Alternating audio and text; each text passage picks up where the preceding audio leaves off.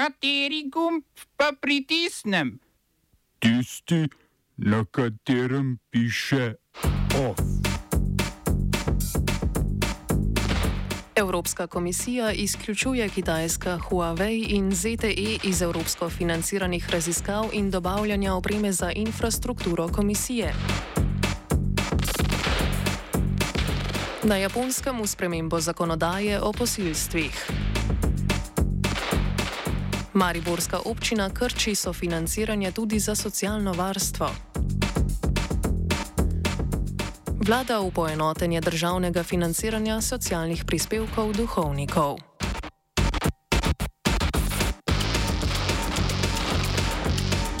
Pa začnimo, kjer se vse začne, na kitajskem. Vodstvo kitajske tehnološke multinacionalke Huawei nasprotuje odločitvi Evropske komisije o izključitvi Huawei in podjetja ZTE iz evropskega financiranja raziskav in dobavljanja opreme za infrastrukturo Evropske komisije. Evropska komisija je predstavila poročilo o varnosti omrežja 5G, v katerem je prvič doslej kitajski podjetji eksplicitno označila za občutno bolj tvegani od ostalih dobaviteljev tehnologije 5G. Izvršna podpredsednica komisije Margrete Vestager je oznanila, da bo komisija Huawei in ZDE omejila dostop do finančnih instrumentov Unije. Prav tako telekomunikacijska omrežja komisije po vseh državah Unije, Unije ne bodo smela vsebovati komponent Huawei in ZTE. To pomeni, da tudi drugi dobavitelji opreme za evropsko komunikacijsko infrastrukturo ne bodo smeli uporabljati komponent dveh kitajskih podjetij. Komisija spodbuja tudi omejevanje dostopa kitajskih podjetij do vseh omrežij držav članic. Medtem francoska vlada pri Evropski komisiji lobira za jasen začetek trgovinske vojne s Kitajsko. Francozi lobirajo za uvedbo carin na vsa kitajska električna vozila, čež da bi lahko Kitajska z izdatno državno podporo proizvajala poceni vozila in jih uvažala v Unijo.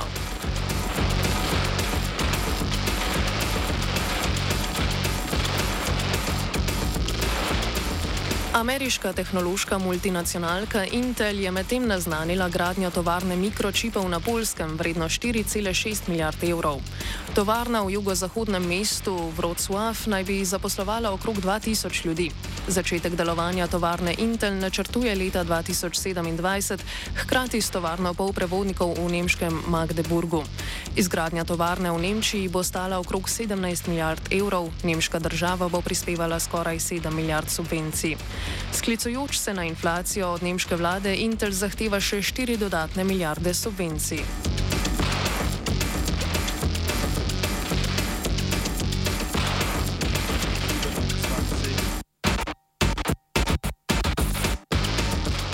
Evropska centralna banka je osmič zapored zvišala obrestne mere za četrtino odstotne točke. Ključne obrestne mere se tako gibljajo okrog 4 odstotkov. Z nadaljevanjem višanja obrestnih mer se centralna banka bori proti inflaciji. Medletna inflacija je letošnjega maja v Evropski uniji znašala prek 6 odstotkov. Predsednica se L. Predsednica centralne banke, torej Kristin Lagarde, je že napovedala nadaljno zviševanje obrestnih mer. Doslej je Evropska banka dvigovala obrestne mere po dvigih v Združenih državah Amerike, ameriška centralna banka pa se tokrat ni odločila za dvig. Obrestne mere na dolar tako ostajajo okrog 5 odstotkov.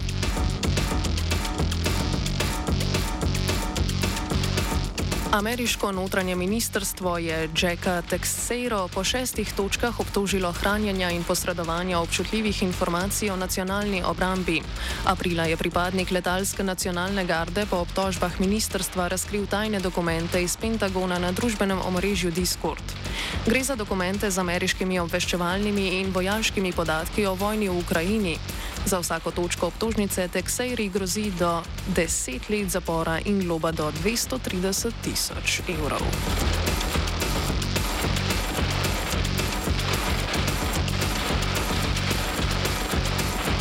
Japonski parlament je sprejel zakon za spodbujanje razumevanja LGBT skupnosti.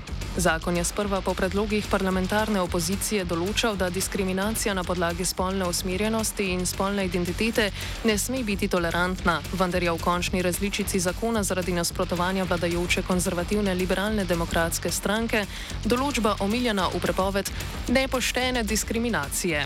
Po mnenju nevladne organizacije Marriage for All Japan to potihem dopušča nestrpnost do LGBT skupnosti. Ločena določba zakona določa, da morajo vsi državljani živeti z mirno vestjo, kar aktivistične skupine označujejo kot povišanje pravic družbene večine na račun spolnih manjšin. Zakon še zmeraj ne dopušča istospolnih porok ali partnerskih zvez na državni ravni.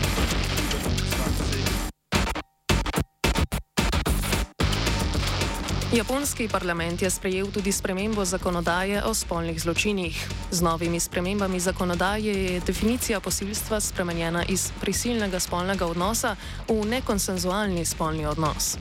Zakonodaja po novem prepoveduje tudi usiljivo fotografiranje ali tajno snemanje spolnih odnosov ter, ter podaljšuje čas za prijavo posilstva z 10 na 15 let. Poleg tega je parlament starostno mejo, od katere je moč priznati privoljenje v spolni odnos, zvišal z 13 na 16 let.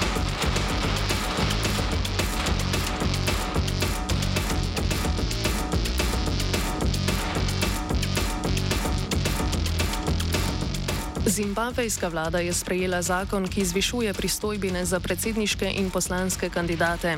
Po novem bo vsak kandidat za predsednika države moral plačati 18 tisoč evrov, poslanski kandidati pa skoraj tisoč evrov pristojbine, kar je približno 20 odstotna podražitev od prejšnjih volitev leta 2018. V Zimbabveju poprečna mesečna plača znaša 280 evrov neto. Odločitev vlade, ki jo 43 let vodi Zimbabvejska Afriška narodna unija, sledi neuspešnemu predlogu opozicije, da bi pristojbine za politične kandidate pocenili. Splošne volitve bodo v Zimbabveju avgusta. Na volitvah se bo predsednik Emerson Mnangagwa, ki je leta 2018 državnim udarom odstavil dolgoletnega predsednika Roberta Mugabeja, potegoval za svoj drugi mandat.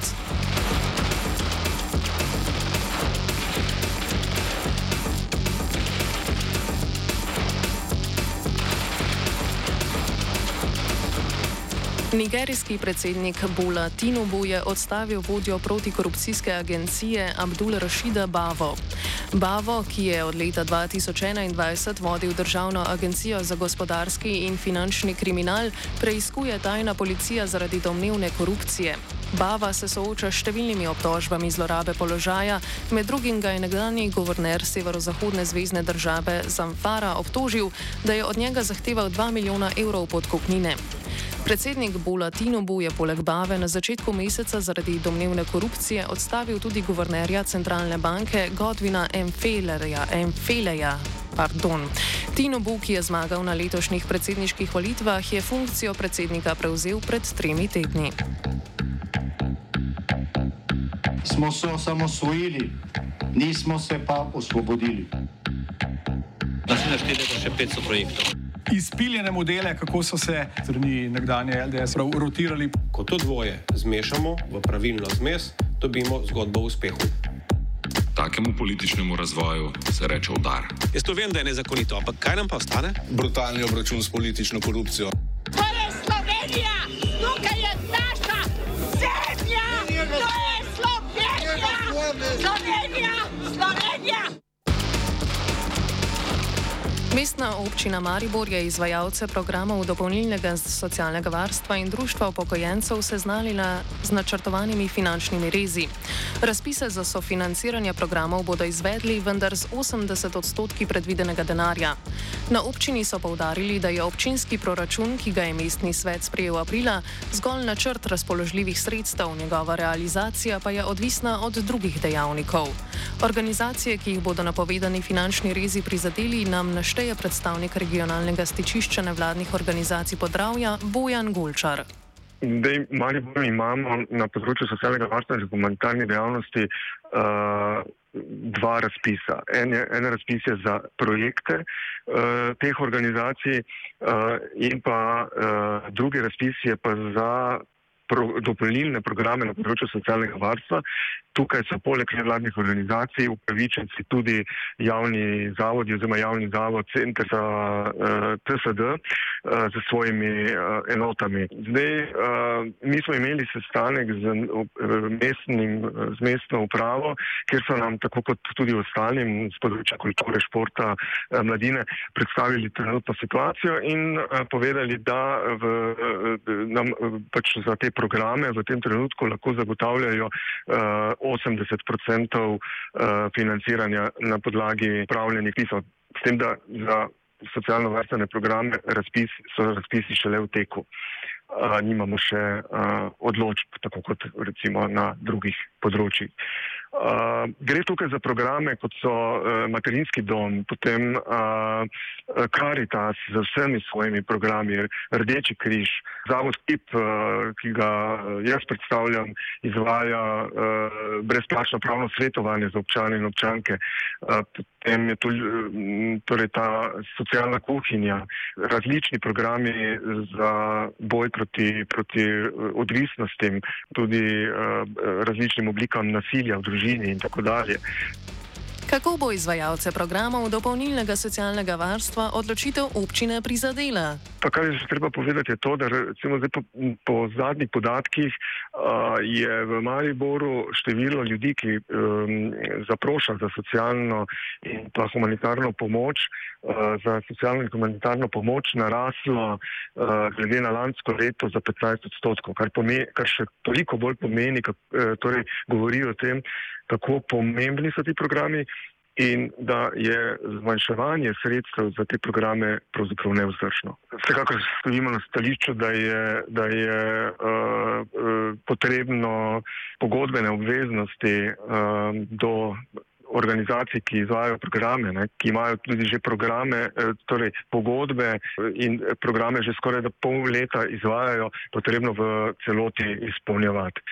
Lahko na nek način razumemo situacije, v kateri se občina nahaja, vendar zato nismo krivi uh, mi, ki izvajamo te programe. Težko pa razumemo, da se uh, je pravzaprav to zgodi tako čez noč in pa, in pa seveda bi pričakovali tudi neko drugačno komuniciranje, pravi, da ne bi bili tako čez noč postavljeni pred neko dejstvo, da bomo za programe, ki jih izvajamo, dobili manj denarja.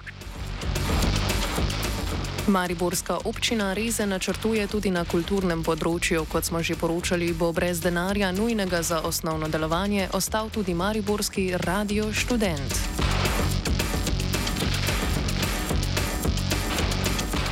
Vlada je sprejela sklep o ustanovitvi komisije za pripravo izhodišč za postavitev spomenika slovenske osamosvojitve v Ljubljani, vodil pa jo bo državni sekretar obrambnega ministrstva Rudi Medved.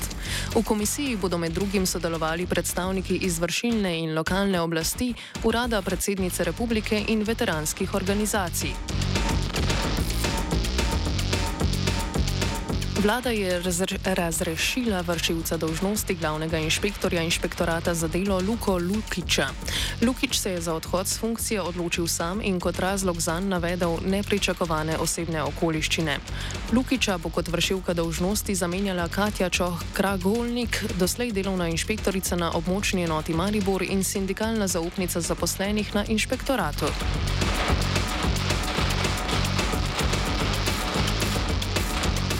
Vlada je sprejela predlog novele zakona o verski svobodi in ga poslala v državni zbor. Predlog novele, ki jo je vložilo Ministrstvo za kulturo, zvišuje višino nadomestila za plačilo socialnih prispevkov verskim uslužbencem zdajšnjih 48 odstotkov na 60 odstotkov povprečne plače.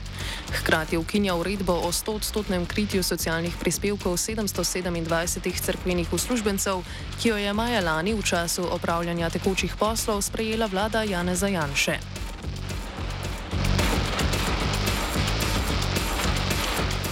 OF je pripravil Jan.